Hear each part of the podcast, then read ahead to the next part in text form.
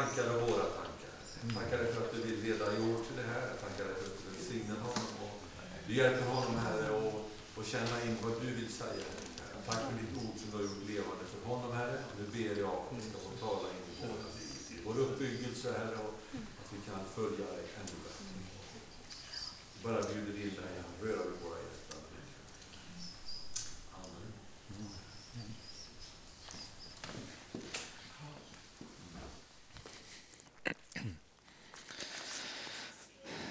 Där jag kommer ifrån är uppvuxen i Rumänien.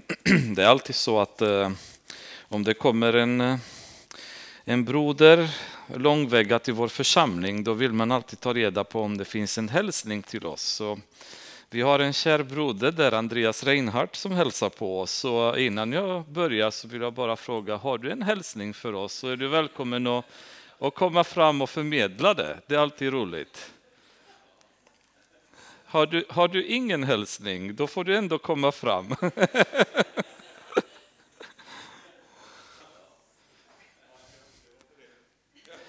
Är det här igång också? eh?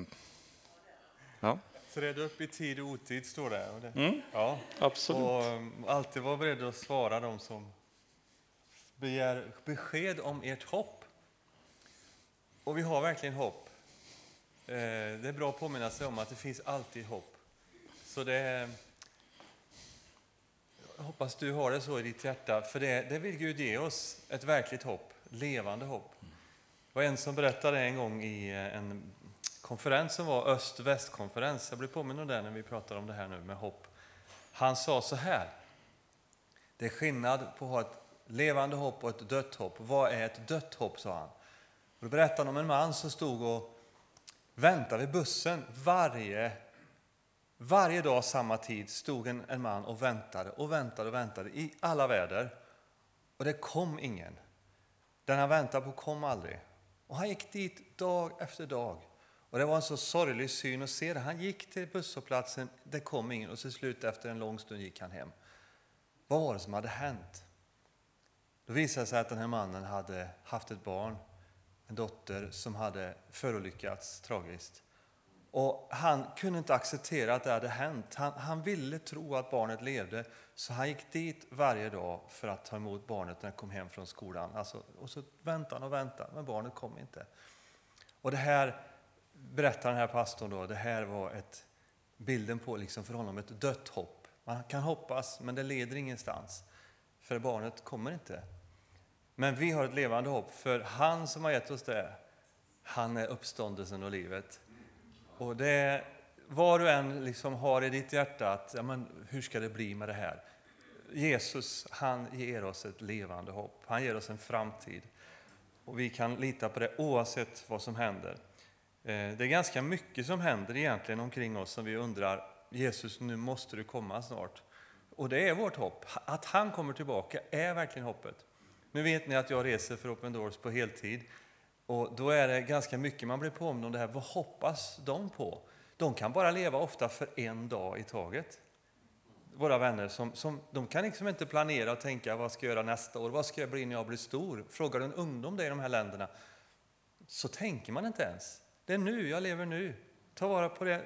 Jag får ta dagen, livet som det kommer. Men jag har hopp på grund av Jesus. För Jesus är Herre och han är mitt hjärta. Så tack för möjligheten Georg, men nu ska inte jag ta mer tid. Gud välsigne dig. Eh, ehm, åh, nu ska jag komma ihåg vad det heter på rumänska. Sin, ja. Dom, dom noloi någonting vet jag i alla fall. Det är något med Gud att göra, eller hur? Ja. Se, ja. Donno sette bine cuvinteze. Ja, ungefär så. Chippetine. ja, men vad kul. Bra introduktion för vad som komma skall. Eh, Patrik berörde lite grann eh, sist eh, de här verserna 8-9 där i femte kapitlet. Men han tyckte att det gjorde inget om jag tog dem lite till då. Jag ville gärna ta dem lite mer därför att de hänger lite grann ihop med resten som kommer därefter. Då, så kan vi Försök att gå lite på djupet där och se lite vad Paulus menar. Och vi kan läsa, nu vet inte jag var vi kommer sluta idag. Jag sa till Carolina att idag så bestämmer inte jag att vi slutar där. Men jag har på känn att vi klarar inte att gå längre än vers 14. Så vi börjar med att bara läsa eh, Efesiebrevet, femte kapitlet, vers 8-14. Ni var en gång mörker, men nu är ni ljus i Herren. Vandra då som ljusets barn. Till ljusets frukt består i allt vad godhet, rättfärdighet och sanning heter. Och pröva vad som är Herren kärt. Ha inget att göra med mörkrets ofruktbara gärningar utan avslöja dem istället. Vad sådana människor gör i hemlighet är skamligt till och med att nämna. Men allt kommer i dagen när det uppenbaras av ljuset. Ty allt som uppenbaras är ljus. Därför heter det Vakna upp, du som sover, och stå upp från de döda, så ska Kristus lysa över dig. Jag tror att vi kommer eh, stanna kanske vid de här verserna idag. Ehm, I vers 8 så säger Paulus att ni var en gång mörker. Och ehm, det var nästan så att, att jag trodde att jag hade dyslexi när jag läste det, därför att jag hade förväntat mig att han skulle säga ni var en gång i mörkret då. Eftersom han pratar just om den perioden tidigare i kapitlen om hur vi var döda, vi levde i mörker, vi hade inget hopp och så vidare. Men det intressanta är att den här gången så säger han ni var en gång mörker. Ni var själva mörker. Inte bara att ni levde i mörkret som man tidigare sa, utan ni var själva dessutom mörker. Och det som är skillnaden eh, mellan mörker och ljus, det är att ingen kan leva med det andra. Där det är mörker, det finns inget ljus. Och där det finns ljus, det finns inte mörker. De två kan aldrig samexistera. Och vi var en gång, eller levde en gång på så vis att i vårt liv fanns inget ljus. Utan det fanns bara mörker. Det insåg inte vi då. Vi trodde säkert att vi levde ganska bra och vi var inte så dåliga. Utan vi, det fanns andra som var mycket sämre än oss, för vi mördade inte och eh, vi höll inte på med grova synder. Ändå säger Paulus, ni var i mörker. Ni var mörker.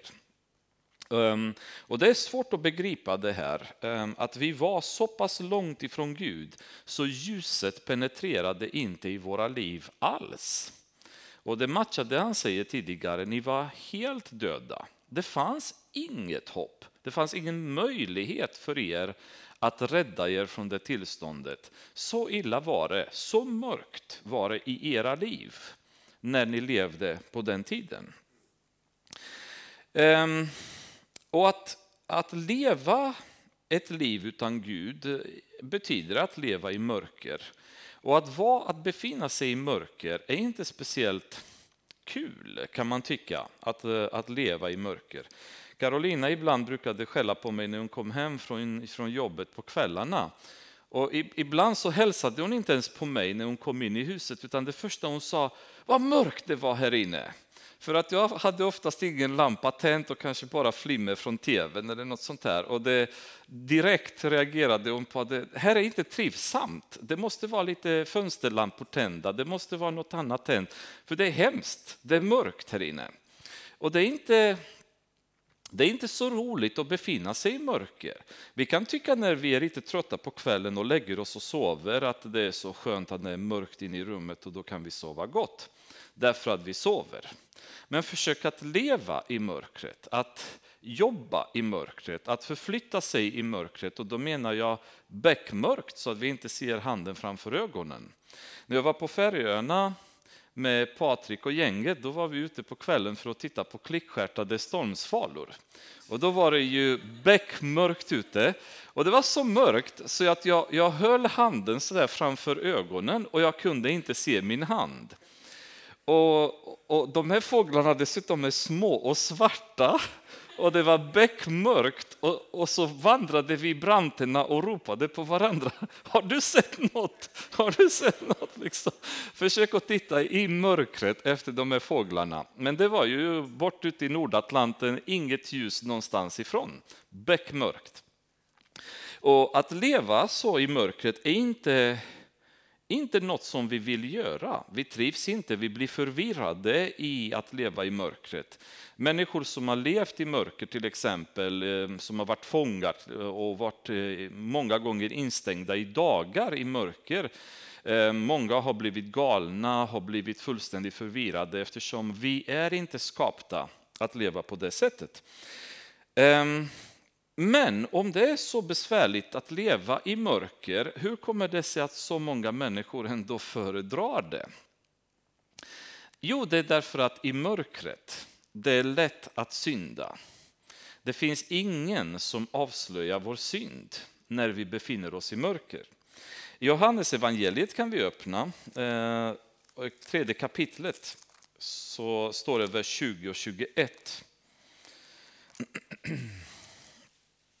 ganska tydlig definition av varför människorna tycker så mycket om ändå mörker. Ty var och en som gör det onda hatar ljuset och kommer inte till ljuset för hans gärningar inte ska avslöjas. Men den som lyder sanningen kommer till ljuset för att det ska bli uppenbart att hans gärningar är gjorda i Gud. Så den som lever i synd trivs att leva där i mörkret, i det här oländiga, Eh, situationen av att befinna sig i mörker, men de trivs ändå där därför att för dem är det så viktigt att kunna fortsätta att leva i synd. Så det betalar sig för dem att leva ett miserabelt liv år efter år efter år, bara de får fortsätta med sina synder. Och Har ni tänkt många gånger att när ni går i en bar, det är aldrig ljust där inne. Det är alltid mörkt och skumt när man går i barer. Varför är nattklubbar inte belysta jättemycket när man går in, utan det är alltid dunkelt när man går in? Eh, varför är de här syndanästerna alltid mörka och inte starkt belysta? Det finns per automatik en, en dragning hos människan att synda när man befinner sig i mörkret, i dunkla områden då, vill, då dras man till synd. Därför att ingen ser mig där. Där får jag vara i fred, där får jag gömma mig. Och jag får leva på det sättet. Då. En intressant situation med mörker, det är 1977, juni månaden. Det inträffade det som är känt som eh, eh, New Yorks elavbrott. Där i princip hela New York eh, hade elavbrott under en natt, utom en liten kvarter om det var i Brooklyn eller Bronx, det var ett par kvarter tror jag som hade ljus, men allt annat var beckmörkt i hela New York. Och det som hände, det, var, det är precis det som händer när det är mörkt. Staden invaderades av plundrare. På en natt så plundrades 1616 affärer i New York. En person mördades, 1037 bränder startades i stan. Mängder med bilar stals. Bara från en enda bilhandlare så stals 50, 50 Pontiac-bilar från bara en enda bilhandlare. 550 poliser skadade, 4500 människor som arresterades. Och skadorna Eh, landade på mellan 11 till 12 miljarder kronor i dagens kurs. På en natt av mörker. Ni förstår hur, hur favorit så att säga, mörkret är för Satan. Och varför han är så noggrann med att hålla människorna i mörker och mata dem med mörker. Därför att så, så länge man befinner sig i mörkret, då kan synden härja fritt. Det finns ingen begränsning. Bara under en natt av mörker. Jag tror väldigt bestämt att helvetet är mörkt. Jag tror inte det finns något som helst ljus i, i helvetet. Och jag tror att en av de hemska upplevelserna för de som hamnar där, det kommer vara att leva en evighet i mörker. Aldrig någonsin kunna se ljus någon gång. Det kommer vara smärta, det kommer vara tandagnisslan, det vet vi också. Men jag tror att mörkret kommer vara någonting som kommer vara fruktansvärt att bära för de människor som, som, som landar där. Men å andra sidan, om man landar där så gör man därför att man själv, enligt Paulus, är mörker. Man tillhör det stället. Om man själv är mörker så kan man inte hamna i himlen. Man kan inte finnas i ljuset. Utan de som är mörker och väljer att leva i mörkret kommer att hamna i mörkret där de så mycket har trivts i. Och Det är därför jag tror att det blir lite svårt ibland för mig att resonera med människor som anklagar Gud för saker och ting som händer. Därför att när man själv gång på gång genom ens liv vägrar att följa Gud, vägrar att leva enligt hans ord och anser sig själv ha rätt att leva i mörkret, hur kan man då kräva att Gud, när, man dör, ska erbjuda en sån person ljus? När hela ens liv har man talat om för Gud, jag vill inte ha med ljus att göra. Jag vill inte ha ditt ljus. Jag vill ha mörker. Jag trivs i mörkret. Jag vill vara själv mörker. Hur kan då Gud tvinga en sån person att leva i ljuset när personen i hela ens liv har valt mörker? Då är det mörkret som väntar på dem. Och ett mörker som jag tror inte vi kan föreställa oss, för ingen av oss har någonsin upplevt mörker i den bemärkelsen. Att leva i fullständig mörker. För oss är mörkret alltid tillfälligt. Vi vet att om det blir lite mörkt så blir det ljust om en stund. Jag kommer ihåg när jag delade ut tidningar. Då var jag uppe klockan tre på natten ungefär och det var inte mörkt. Det fanns ju gatlampor i stan och så vidare. Men mellan tre oftast och om vi pratar vintern framför allt eh, och på morgonen tills man såg de första så att säga ljusstrålarna eh, komma. Det var de jobbigaste timmarna och köra tidningar. Det var, det var tungt för att det var så mörkt hela tiden. Och sen kom sommaren. Då var, då var man uppe klockan tre, eh, halv fyra hämtade man tidningen och, och solen brukade komma upp vid fyra på morgonen. Det var en fröjd att köra tidningar. Man var glad. Jag kunde ibland sjunga när jag cyklade genom villakvarteren och så vidare. Och i mörkret så var det tungt. Det är jobbigt att leva i mörker och mörkret har inte något gott med sig enligt Bibeln. Utan i mörkret så är det ett tillfälle för människor att leva med sina synder i det dolda. Vandra då som ljusets barn, står det i andra delen av åttonde kapitlet. När man är ett barn av ljus så har man ingenting att dölja. Jag har ingenting i mitt liv jag behöver dölja. Därmed så söker jag mig till ljuset. Och det är vackert, eller hur? Vi kan ju säga vi kristna, vi har ingenting att dölja. Eller har vi kanske? Har vi kanske synder i våra liv som vi inte vill att andra i församlingen ska veta om? Veta om? Har vi grejer i våra liv som vi gör utan att vi vill att våra grannar ska veta att vi håller på med dem?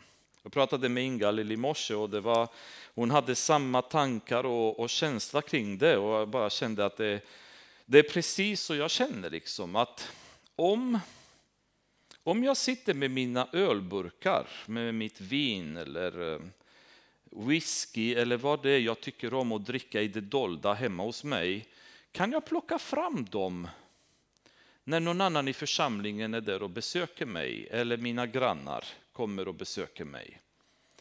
Ehm, de tv-program som jag tittar på, kan jag med gott samvete ha det programmet igång om Patrik till exempel, som pastorn kommer och hälsar på mig, eller bara frenetiskt måste jag byta kanal för han kan inte se att jag tittar på det här. När jag som kristen i Pingstförsamlingen i Stöpen tittar på Bonde söker fru, där människor lever i promiskuitet med varandra eh, på ett erkänt okej okay sätt. Byter jag den kanalen när Patrik kommer och hälsar på mig? Eller sitter jag kvar med gott samvete och säger det är ju helt okej? Okay. De filmer jag tittar på, de andra program på tv eller internetsidor som vi surfar in på, kan jag fortsätta att göra det när mina grannar, när andra församlingsmedlemmar är med? Och det är så många sådana grejer i våra liv som vi döljer för varandra. Vi berättar inte för varandra. Vi vill inte att någon annan ens ska veta. Men Gud vet. Så hur kan vi som är ljusets barn ha mörker i våra liv? För mörker och ljus går inte ihop. Hur kommer det sig att vi som Guds församling har ändå mörker som vi söker oss till? När i vårt liv så är det ljus. Vi är ljusets barn. Det står i, i början på versen. Nu är ni ljus i Herren. Men vandra då i ljuset, säger Paulus. Gör inte de här sakerna som ni gjorde när ni var mörker. När det var normalt levande för er då. Nu är ni ljus, så gör inte sånt längre.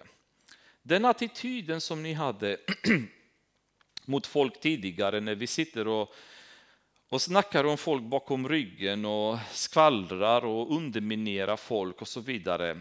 Det kan vi inte göra längre. Och visst är det så, om vi tittar på oss själva i församlingen, det finns vissa människor i församlingen med vilken när vi träffas, vi pratar andligt. Vi tar fram fina andliga ämnen och så vidare. Men sen när vi träffar lite andra personer i församlingen, då kan vi ta en kopp kaffe om, oh, du vet han, hon gjorde så här och så här. Och plötsligt så pratar vi som vi gjorde förr. När vi var mörker, när vi satt med våra arbetskamrater och snackade allt möjligt strunt om andra människor och så vidare. Det finns den här tendensen fortfarande och Paulus säger inte längre. Nu är ni ljuset så nu måste ni vandra i ljuset. Vandra inte som ni gjorde tidigare i mörkret. Ljuset är oftast associerat i Bibeln med frälsning och liv. Där ljuset kommer så kommer livet. Och vad Paulus säger att ni som var i mörker har kommit ur detta och är ljus nu. Och ni är det som ger liv till er omgivning nu. Det är tack vare er då frukt börjar komma runt omkring er i er omgivning. Hos andra i församlingen, hos våra grannar. När vi kommer till en granne och besöker dem, vår närvaro och vår relation med Gud, det ljus som vi utstrålar och heliga andens eh, avbildning som vi är påverkar dem till att bli bättre själva, till att få sig en tankeställare kring Gud och så vidare. Och det är vi som sprider ljus, det är vi som sprider liv runt omkring oss. Och det är det tragiska med kristna som nöjer sig med att flörta med synden och leva med en fot i världen och en fot med Gud. Det är att vi blir oförmögna att påverka vår omgivning vi kan inte lysa med Jesu ljus längre och vi kan inte få våra grannar att bli frälsta längre som vi kanske gjorde en gång i tiden. Eller våra klasskamrater, eller våra vänner eller vem som helst. Det var en tid i mitt liv som Till exempel om jag åkte tåg, eh, vilket vi gjorde oftast i Rumänien. Vi var miljövänliga på den tiden, mycket längre innan folk var miljövänliga i Sverige. Vi åkte bara tåg, för det fanns ingen bränsle att åka bil i då. Och så var det oftast kupéer på tåget och då var det eh, sex personer alltid i de kupéerna som satt. Och när jag, när jag landade i kupé, då visste jag, nu har jag fem personer att bara mata på evangeliet tills de kliver av tåget. Och det var bara en klassiker. Och det, det var inte ens svårt. Det, det, dröjde inte längre innan man fick ett samtal igång och sen till Gud, då, direkt till Jesus. Det var ett hunger. Man bara kände hela tiden att de måste ju få höra om Jesus. Men idag så kanske kan jag åka eh, någon gång i en kollektiv eller befinna sig i ett kollektiv. Och istället för att ha samma tanke med att hur ska jag nu få Jesus till de här människorna som jag råkar sitta hos på vårdcentralen medan jag väntar eller vad som helst. Då tar man fram telefonen och så går man tittar på Instagram och allt möjligt. Det finns inte det här hungern längre. Ljuset lyser inte på samma sätt. Men resultatet av det, det är att de här fem personerna som har suttit på vårdcentralen med mig kanske missar budskapet. Går till helvetet därför att jag valde Instagrammet eller valde något annat istället för att vara ett ljus. Som Jesus säger, ni ska vara på ett berg, ett ljus där alla ska se. Därför att när de ser, så fortsätter han senare, kan de prisa er fader för sin godhet. Det är ju det som är grejen med att lysa som kristna, det är att Gud för, får äran. Vi tar ifrån honom den äran när vi istället väljer att fokusera på, på mörkrets gärningar och inte på ljusets gärningar längre. Och det är så, um, det är så synd, för att vi, vi inser inte själva hur vi, vi dräneras på inspiration Eh, när, när, man levde med Gud nära heliga anden i, i bön så jag kommer ihåg bara att det var så enkelt att prata med människor för att man fick ju direkt pang, en idé och nu sitter man och den, munnen är ju som låst. Bara, oh, vad ska jag säga? Jag vet inte vad jag ska säga. Jag vet, jag vet inte var jag ska börja. Hur ska man få? De verkar ointresserade. Det finns inte en chans jag kan få dem att prata om Jesus. Så vidare. Det var aldrig ett problem förr. Och problemet är inte att människorna är ointresserade, det har de alltid varit. Problemet är att vi har inte heliga andens inspiration längre, vi har inte hans ledning och han, han talar inte genom, genom oss längre därför att vi har stängt ner honom. Ljuset lyser inte längre. Det är kanske en liten, liten svag glödlampa som lyser istället för den stora fyren på ett berg som vi tidigare var. Och det är ju Det är därför vi blir så oförmögna att, att på något sätt prata om Jesus. Vi, vi umgås med, med folk som inte känner honom och vi kan prata med dem i två timmar om allt mellan himmel och jord och inte ett ord om det som är det viktigaste i vårt liv. Jesus. Ljuset lyser inte längre.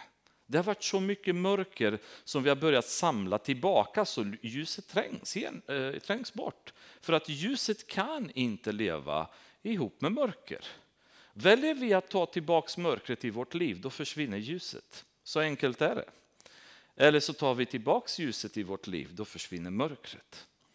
Och det är ju därför Paulus säger, ni är ljusets barn, vandra då i ljuset.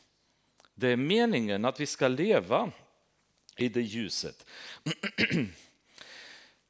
Sen är det också så att som kyrkorörelse, församlingar och så vidare, vi ödslar väldigt mycket tid, tid, pengar, energi på att bekämpa mörkret i världen som vi kanske tycker om att definiera. Vi, vi vill liksom pressa djävulen bort från våra samhällen, från vårt land. Och då har vi lite demonstrationer med jämna mellanrum. Vi har någon insändare i SLA eller någon tidning i landet där vi skriver att det är fruktansvärt att kristendomen inte är som det var förr och så vidare. Och det är våra försök eh, att bekämpa mörkret. Men det finns, det finns bara ett sätt man kan bekämpa mörkret och det är tända ljuset. Allt annat är fullständigt meningslöst.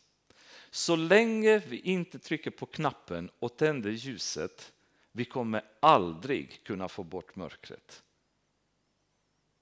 Och vad Paulus säger är just det, tänd ljuset. Ni är ljusets barn, tryck på knappen så ljuset börjar skina. Då kommer mörkret försvinna per automatik. Aborterna kommer minska i samhället, promiskuiteten kommer minska, alkoholismen kommer minska som det gjorde på väckelsetiderna. När folk börjar bli frälsta, när ljuset börjar tränga fram, då löser synderna på väggen. Man behöver inte kämpa mot synden längre, man, man kämpar mot onda makterna och synden utraderas av ljuset som kommer. Och ljuset sen genererar de goda frukterna som kommer fram och mognar fram då hos oss i samhället och för övrigt. Och det är ju väldigt enkelt att vi ska bara tända ljuset, men vi vill inte det. Därför att vi vill ha såna här mörkrets grejer i våra liv sedan tidigare. Vi är inte beredda att tända ljuset. Vi vill ha någon slags dunkelt ljus där vi kan leva med en fot i världen och en fot i vår relation med Gud och, och chansa och hoppas att vi klarar oss i himlen. Ehm, att han ändå är god nog att ta emot oss. Istället för att tända ljuset ordentligt. Ehm, och det är ju precis det vi behöver göra. För när vi tänder ljuset, då, då säger han vidare, Ty ljusets frukt består i allt vad godhet, rättfärdighet och sanning heter.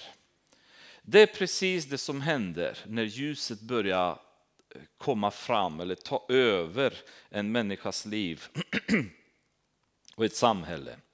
Om vi stannar lite grann vid godhet. Eh, Patrik berörde det superkraftigt i morse om att Gud är allt igenom god. Det finns ingen ondska i honom. Det finns ett, ett, eh, en del i Bibeln som jag tycker är väldigt, väldigt intressant. Andra Moseboken 33, 30, 30, hur säger man, 33 kapitel. 33. Ni ser, jag är fortfarande invandrare trots allt, så ni förstår. Ehm, 33 kapitlet och så kan vi kolla på vers 18. Eh, Moses som eh, pratar med Gud och då säger Mose till honom Låt mig få se din härlighet, säger Mose till Gud. Han längtar efter att få se Guds härlighet. Och då är det Guds svar som jag tycker är så fantastiskt. Han svarade, jag ska låta all min godhet gå förbi framför dig och jag ska ropa ut namnet Herren inför dig. Jag ska vara nådig mot den jag vill vara nådig mot och jag ska förbarma mig över den jag vill förbarma mig över. Så när Moses säger Herre, jag vill se din härlighet så svarar Herren, här har du det. Det är min godhet du kommer se. Det är det som karaktäriserar Gud, godhet. Han är god mot, mot vem han vill vara god och han förbarmar sig mot, mot den han vill förbarma sig för. Och Det är ju liksom den godheten som är så svår för oss att förstå. Ni kommer ihåg berättelsen när Jesus eh, pratade om eh, han som hade några betjänter Nej, han, han behövde arbetare och han gick till marknaden och plockade några arbetare eh, och kom överens om ett visst belopp med dem. Sen senare kommer han på att jag behöver fler arbetare. Han åker till marknaden igen, tar fler arbetare eh, och sen några till och några till. Och sen till slut, de sista arbetarna som kom, de jobbade typ en timme bara, sen var dagen slut. Och då kom det dags för honom att betala dem. Och han går och betalar alla lika mycket. Och det blir rabalder bland de som jobbade hela dagen för de tyckte det var orättvist. Det har jag jobbat som en slav och han som kommer i sista timmen får lika mycket betalt. Och då svarar han, vad har ni emot mig att vara generös? Varför är du emot mig att jag är god? varför ska inte jag vara god mot den som vill vara god? Därför att vi människor, vi kan inte agera så. Den godhet som Gud har är helt okänd för oss.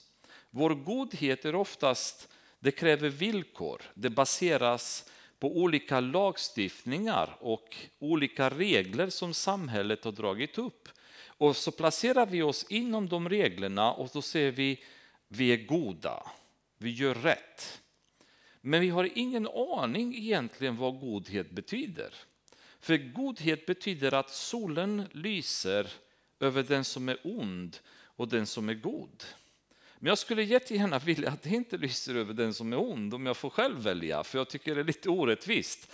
Att deras skördar ska gå bra, att de ska tjäna pengar, att de ska uppleva välfärd när de är som de är. Och Gud säger, men jag vill vara god. Så vad har du emot det? Och hans godhet är någonting som världen tar för givet och tror att bara för att det går bra för dem så är det inget, inget problem. De gör inget fel, för titta hur bra de har det.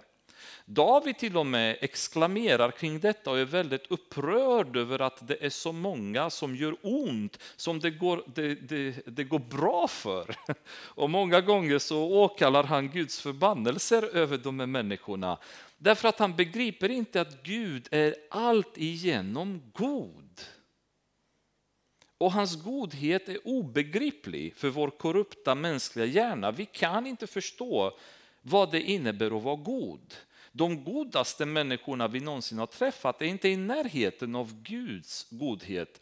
Vi kan inte ens begripa den nivån av Guds godhet. Men det vi vet från Romarbrevet eh, kapitel 2, vers 4, det är att det är Guds godhet som drar människor till frälsning. Och en anledning till att vi är kanske så misslyckade ibland i vårt evangelistiska arbete, det är just det här att vi saknar Guds godhet. Så när vi möter människorna, de känner inte den här godheten i oss som de kanske borde känna. För skulle de göra det så skulle de uppfatta oss på ett helt annat sätt. De skulle bli väldigt nyfikna och veta vad är det här för person? Jag har aldrig sett något liknande. En sån godhet som är så ovanlig egentligen i världen. Det finns inget sånt i världen. Men eftersom vi har inte det där i våra liv så har vi svårt att förmedla Gud till människor. Då är våra ord kärlekslösa och de är som klingande cymbaler. Och de har ingen effekt. Men Paulus säger när ni är ljusets barn så förstå att en av frukterna är godhet. Det är det ni behöver växa i. Nästa är rättfärdighet som behöver, kan också tolkas som helighet. Eller att, att leva på ett sätt där all lag är uppfylld. Då, då lever man rättfärdig. Och man kan säga också så här, det finns ingen lag som Gud någonsin har brutit mot. Som en, en moralisk eller god lag. Och det är rättfärdighet. Och det är den typen av leverne vi är kallade till. Att i smått och stort leva rätt. Um, och för mig är ju ibland väldigt svårt det här och jag kan ärligt säga det. Att vissa saker så små saker som man har svårt att leva rättfärdigt då. Ehm, jag har väldigt svårt att betala parkeringsavgifter om jag ska vara ärlig. Tycker det tar så emot. Toalett, toalettavgifter och parkeringsavgifter, det går emot hela min personlighet. Men jag undrar så, om Jesus skulle parkera bilen och det är en parkeringsautomat som kräver pengar, vad skulle han göra? Tror ni att han skulle sticka iväg och säga, de kanske kommer inte på mig, liksom. kanske hinner tillbaka innan de kommer. Alltså små saker. Det är i allt Gud är rättfärdig. Och anledningen till att vi inte är själva det är att vi förstår inte vem vår Herre är. förstår jag inte att jag kommer inte bli fattig på grund av de här 20 kronorna som jag betalar parkeringsavgifter, utan att min Herre mycket mer värdesätter det faktum att jag lyder lagen och kommer välsigna mig i sin tid och på sitt sätt på grund av att jag har gjort det. Glömmer jag bort att han äger hela universum och att han kan hjälpa mig med precis vad jag behöver, så varför är de 20 kronorna plötsligt så viktiga för mig? Kan jag ställa mig fråga, eftersom det är jag som hade problemet, inte ni. Ehm, och väldigt mycket annat sånt. För vi tänker oftast rättfärdiga att vi kanske, vi fuskar inte med skatterna. Eller hur? Vi är kristna, vi lever rättfärdigt. Jag vet inte. Ehm, jag har kanske gjort det någon gång. Ehm, men kanske stora sakerna tänker vi på, men i allt, i allt smått så visar vårt sätt att leva vår karaktär. Är vi ljusets barn som inte har någonting att dölja? Eller är vi små fuskare ibland och försöker att dölja vissa grejer i våra liv? Paulus säger, det ska ni inte vara längre. Det finns ingen som helst anledning för att Gud är rättfärdig. Rättfärdighet är en frukt av ljuset. Och det är den frukten som måste komma fram i era liv. Och sist så säger han också, och sanning heter.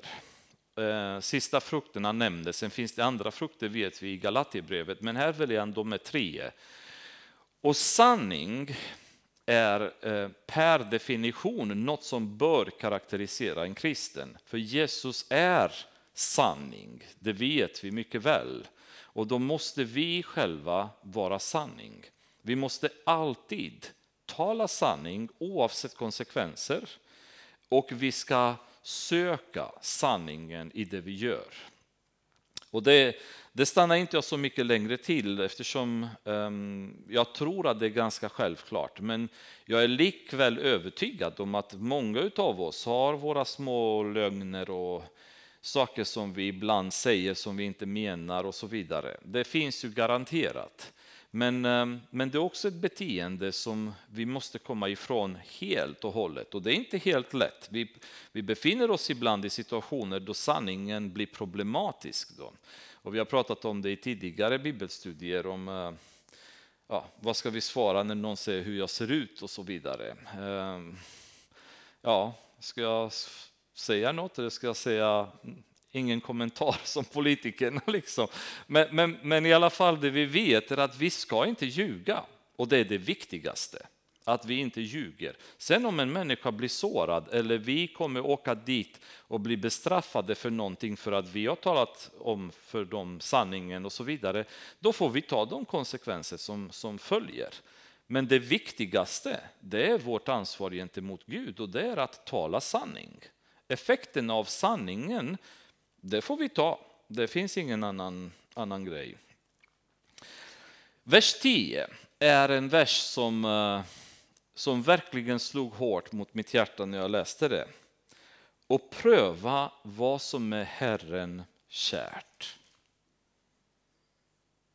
Den här versen är mäktig i sitt djup.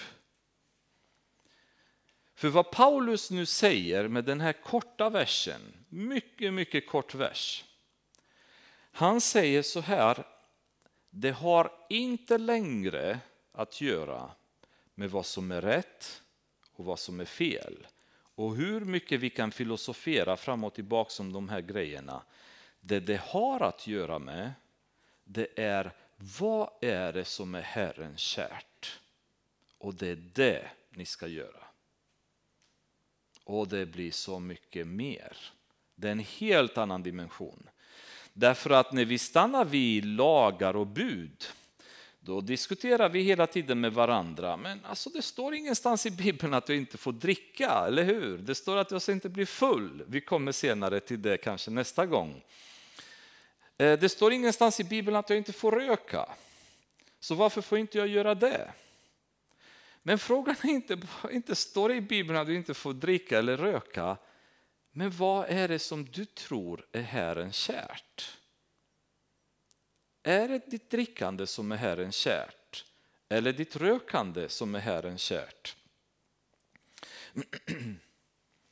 När jag är otrogen eller begår otukt, är det Herren kärt?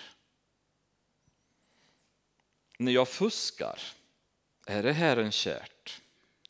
Sen kommer vi till sådana diskussioner som har splittrat församlingar och skapat konflikter i alla år. Får jag använda de här kläderna eller får jag inte?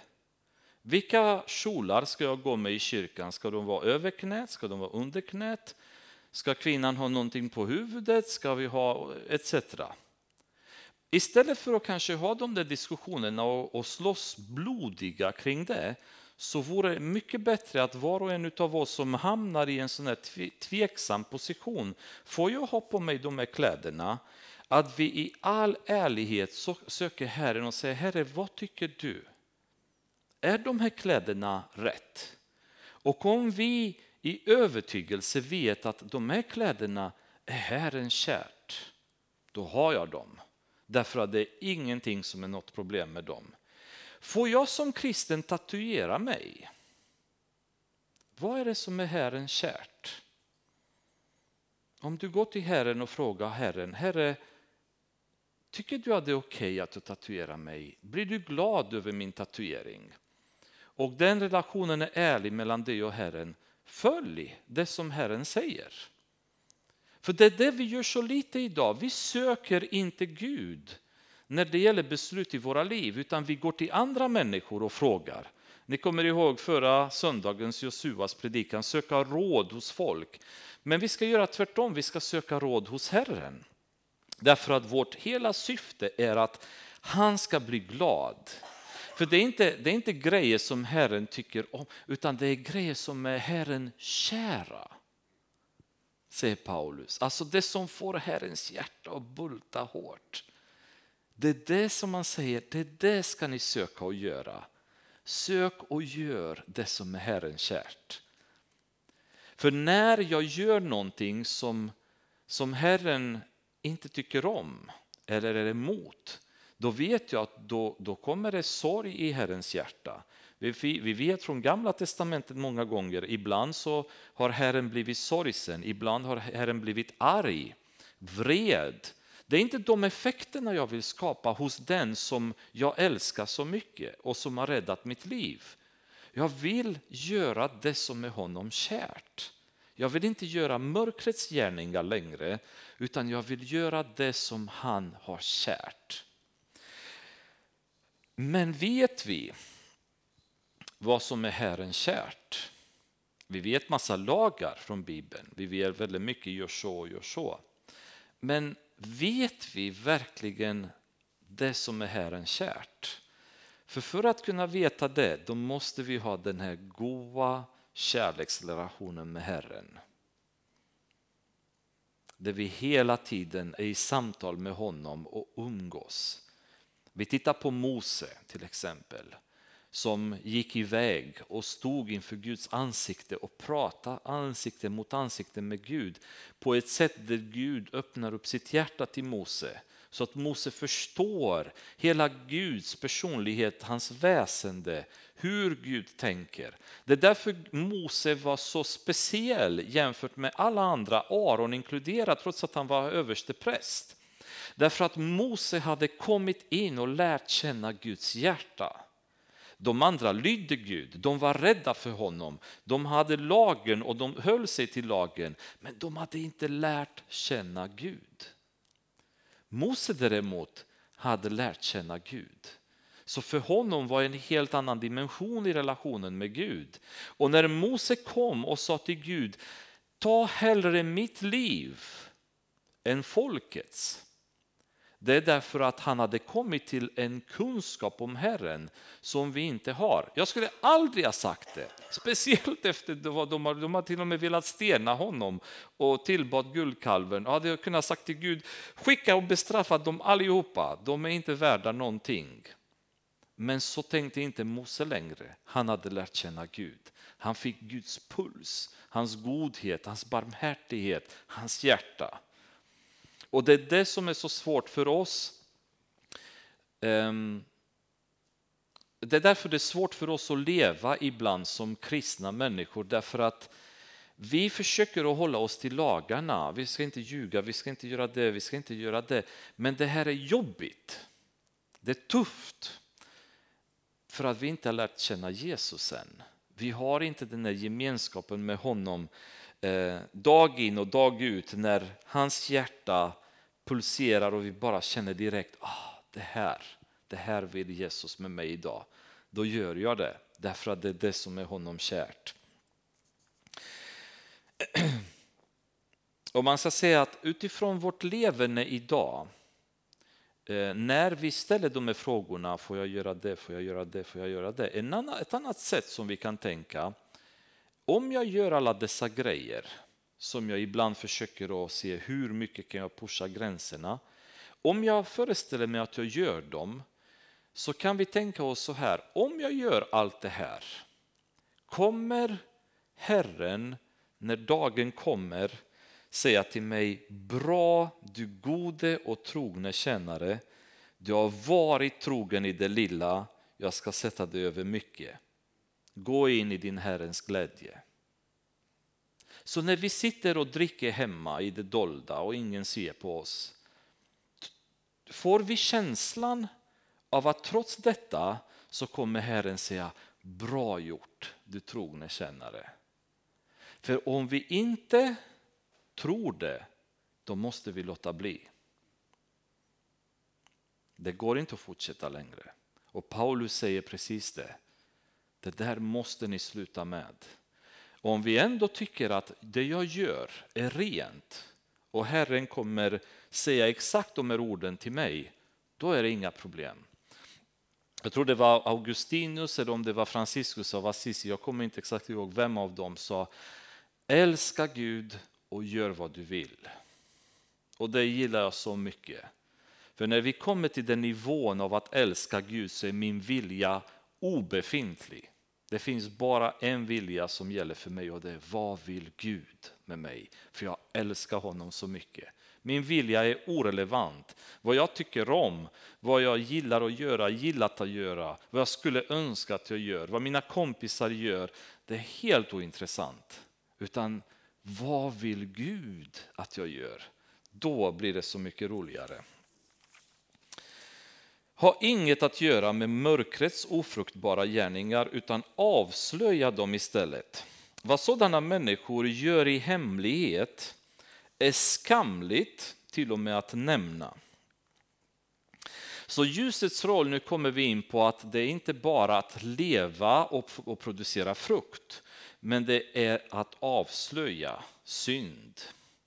Och man kan säga att det är därför församlingen är så genomhatad utav samhället.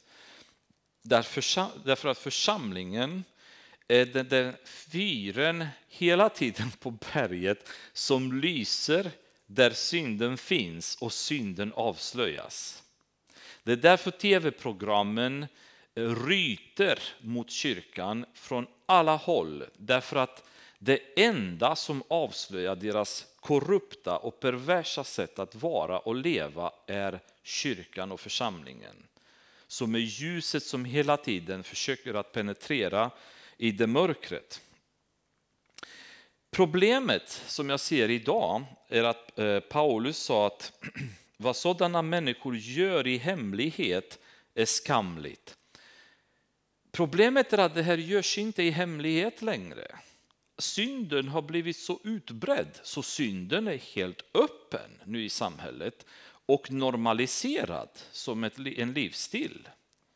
Så numera när en kvinna är en man till exempel är polyamorös, det vill säga kan vara gift med en partner men ha relationer med massa andra personer det görs tv-program om dem som hade det väldigt fascinerande beteende och titta vad intressant det är.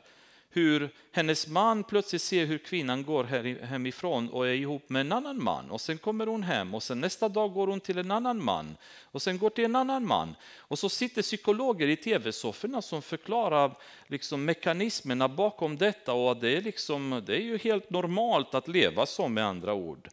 Eh, på Pride, Pride-tågen då defilerar man med grotesk klädsel många gånger, mer eller mindre nakna människor med, med vidrigt beteende öppet. De, de gömmer sig inte på eh, offentliga toaletterna som de gjorde på ett antal år sedan, utan de gör det öppet och är stolta över sitt beteende. Det är ingen hemlighet längre. Och vi tvingas dessutom att matas med detta i tidningar, på tvn, på bussar numera, på eh, billboard när vi kommer in i Skövde eller från, från båda hållen och så vidare. Så är jag tvungen att se detta varje dag. Inte hemligt längre, utan nu visas det öppet för alla, därför att det är helt okej. Okay. Otrohet och skilsmässa propageras i media som eh, en, ett sätt för människan att frigöra sig. Eh, faktum är att det är en eh, feminism när det är som bäst, säger väldigt många, där kvinnan inte är tvungen längre att leva under mannens eh, auktoritet, utan nu kan jag skilja mig precis som jag vill. Istället för att kämpa för familjen, kämpa för strukturen som får vårt samhälle att fungera, så uppmanas människor till att just skilja sig och leva i otrohet. Du får gärna pröva, är det väldigt mycket nu. Du kan pröva, det finns så mycket du kan pröva. Och detta sker öppet och Paulus säger det här är så skamligt. Så det är till och med svårt att nämna det men nu har det blivit helt öppet i vårt samhälle. Vi dränks dagligen av de här perversiteterna och den enda barriären som är emot detta är kyrkan. Därav hatet som är så extrem och välkanaliserat mot församlingen just nu. Därför att det enda i samhället som säger nej det accepterar inte vi. Och när jag säger kyrkan, då säger jag den riktiga kyrkan, inte den fallna kyrkan. För det finns en stor del av kyrkan idag som är fullständigt fallen, som har ingenting med Bibeln eller med Gud att göra längre. Utan då, då pratar jag om, om Philadelphia församlingen, den lilla församlingen som fortfarande står fast vid Guds ord. Det är den församlingen jag pratar om. Men allt kommer i dagen vers 13, när det uppenbaras av ljuset. Ty allt som uppenbaras är ljus. Därför heter det, vakna upp du som sover och stå upp från de döda så ska Kristus lysa över dig. Allting som avslöjas blir penetrerad av ljus. Så för att kunna få bukt med synden måste synden först avslöjas utav ljuset. Ehm, för att förhindra detta så har en ny, ett nytt begrepp kommit för ett antal år sedan som har blivit som en, eh, en plåga som heter politisk korrekthet. Där samhället har börjat etablera begrepp Eh, som egentligen har gjort det omöjligt att kritisera synd eller, eller markera mot synd. Därför att numera om man gör det, om man pratar om mot homosexualitet till exempel, då är det ett brott. Då räknas det som hets mot folkgrupp istället. Om man pratar emot eh, frigörelse och så vidare, då är du eh, en manschauvinist. Då, då är du emot feminism och frigörelse om man pratar emot brottslighet, alkoholism och så vidare, då klankar du ner på människor, eller du är ju rasist till exempel och så vidare. Så det finns massa definitioner nu för att hindra församlingen för att tala ut mot synd. Till så sån stor del där fri, eh, vad ska man säga, ehm, yttrandefriheten gäller enbart de som tillhör de här grupperingarna som lever i synd, som kan uttrycka sig hur fult som helst mot församlingen, hur hotfullt som helst mot församlingen. Men om församlingen Stå emot och säga att det ni håller på med är fel, och nu snackar inte jag att vi hotar eller vi gör något annat, utan vi bara påpekar att det är fel levande, så här kan det inte vara. Då klassas vi som ett hot Och vi får inte uttrycka de orden. Med andra ord, de som vill predika Guds ord kan inte utöva sin yttrandefrihet längre. Utan de får en näve i munnen direkt. Men däremot från andra hållet, de som uttrycker djävulens åsikter, är det fritt fram att uttrycka dem därför att det är yttrandefrihet i Sverige, sägs det. Och Paulus säger till oss så här. Vakna upp du som sover och stå upp från de döda så ska Kristus lysa över dig. Jag tror att eh, på grund av att kristna har sovit så länge så har samhället börjat falla ihop. För församlingen har under en väldigt lång period varit sysselsatt med så mycket annat än det vi egentligen skulle ha gjort. Och inte bara att vi har varit sysselsatta, utan att vi inte gjort någonting. Församlingen har somnat. Och ganska hårt kan man väl säga i många västvärldsländer och inte bara. Församlingen har somnat hårt. Eh, människorna är inte intresserade, de har inget, ingen ork längre, de bryr sig inte längre i församlingen. Ehm, vår relation med Gud är katastrofal. Bönen finns inte, bibelkunskaperna är borta. Och där sitter en sovande församling. Eh, istället för att vi ska vara på alerten. Eh, I Lukas 16 kapitel, vers 8 sa Jesus Ty den här världens barn handlar klokare mot sitt släkte än ljusets barn. Det vill säga att de som är i världen är väldigt aktiva, väldigt stark aktivism, väldigt stark propaganda, väldigt starkt tryck för att propagera för sin synd. Och vad gör församlingen? Sover. Sover rätt gött faktiskt. Och under den här tiden när församlingen har sovit så har aborterna blivit lagliga. Bönen har kastats ut ur skolorna. Kristna undervisningen har kastats bort. Homosexualiteten har legaliserats. Homosexuella äktenskap har legaliserats. Homosexuella adoptioner har legaliserats under tiden. Samboförhållandena har nu likställts med äktenskap. Under den tid då församlingen har sovit så gott. Från 50-60-talet uppåt så har församlingen tagit sig en ordentlig tupplur och under tiden så har förändringar gjorts i samhället. Små förändringar efter, efter varandra och så sitter vi idag. Där idag är det diskussion om vi ska ha tre kön till exempel i samhället för att det räcker inte med män och kvinnor längre. Och församlingen fortsätter och sover. Och vi fortsätter och sover samtidigt som djävulen tar ett större och större grepp och breder ut det här mörkret över samhället. Och vi som ska vara ljuset har förvandlats från en fyr till en liten glödlampa som knappt lyser utanför vårt hus till grannen intill. Desto mer över hela landet, över hela samhället. Det finns inte det ljuset som vi är kallade att vara. Därför att vi själva har inte varit noga att vandra i ljuset. Och därmed så har ljuset börjat slockna.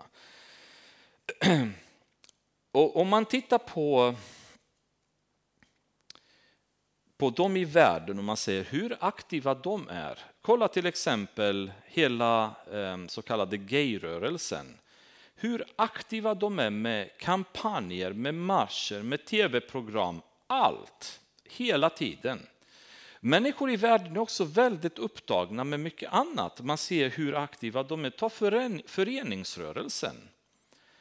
Alltså, att gå, att gå på söndag till kyrkan, det är en plåga, eller hur? Fast vi är Guds barn, vi är ljusets barn. Men oh, det vad det tar emot att komma till kyrkan på söndag.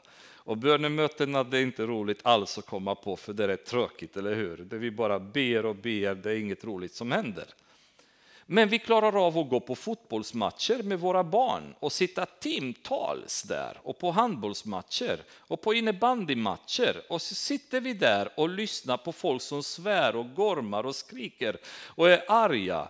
Att vi står i en korvkiosk eh, på våra barns fotbollsmatcher timtals och säljer hotdogs. Det klarar vi att göra, helg efter helg. Liksom.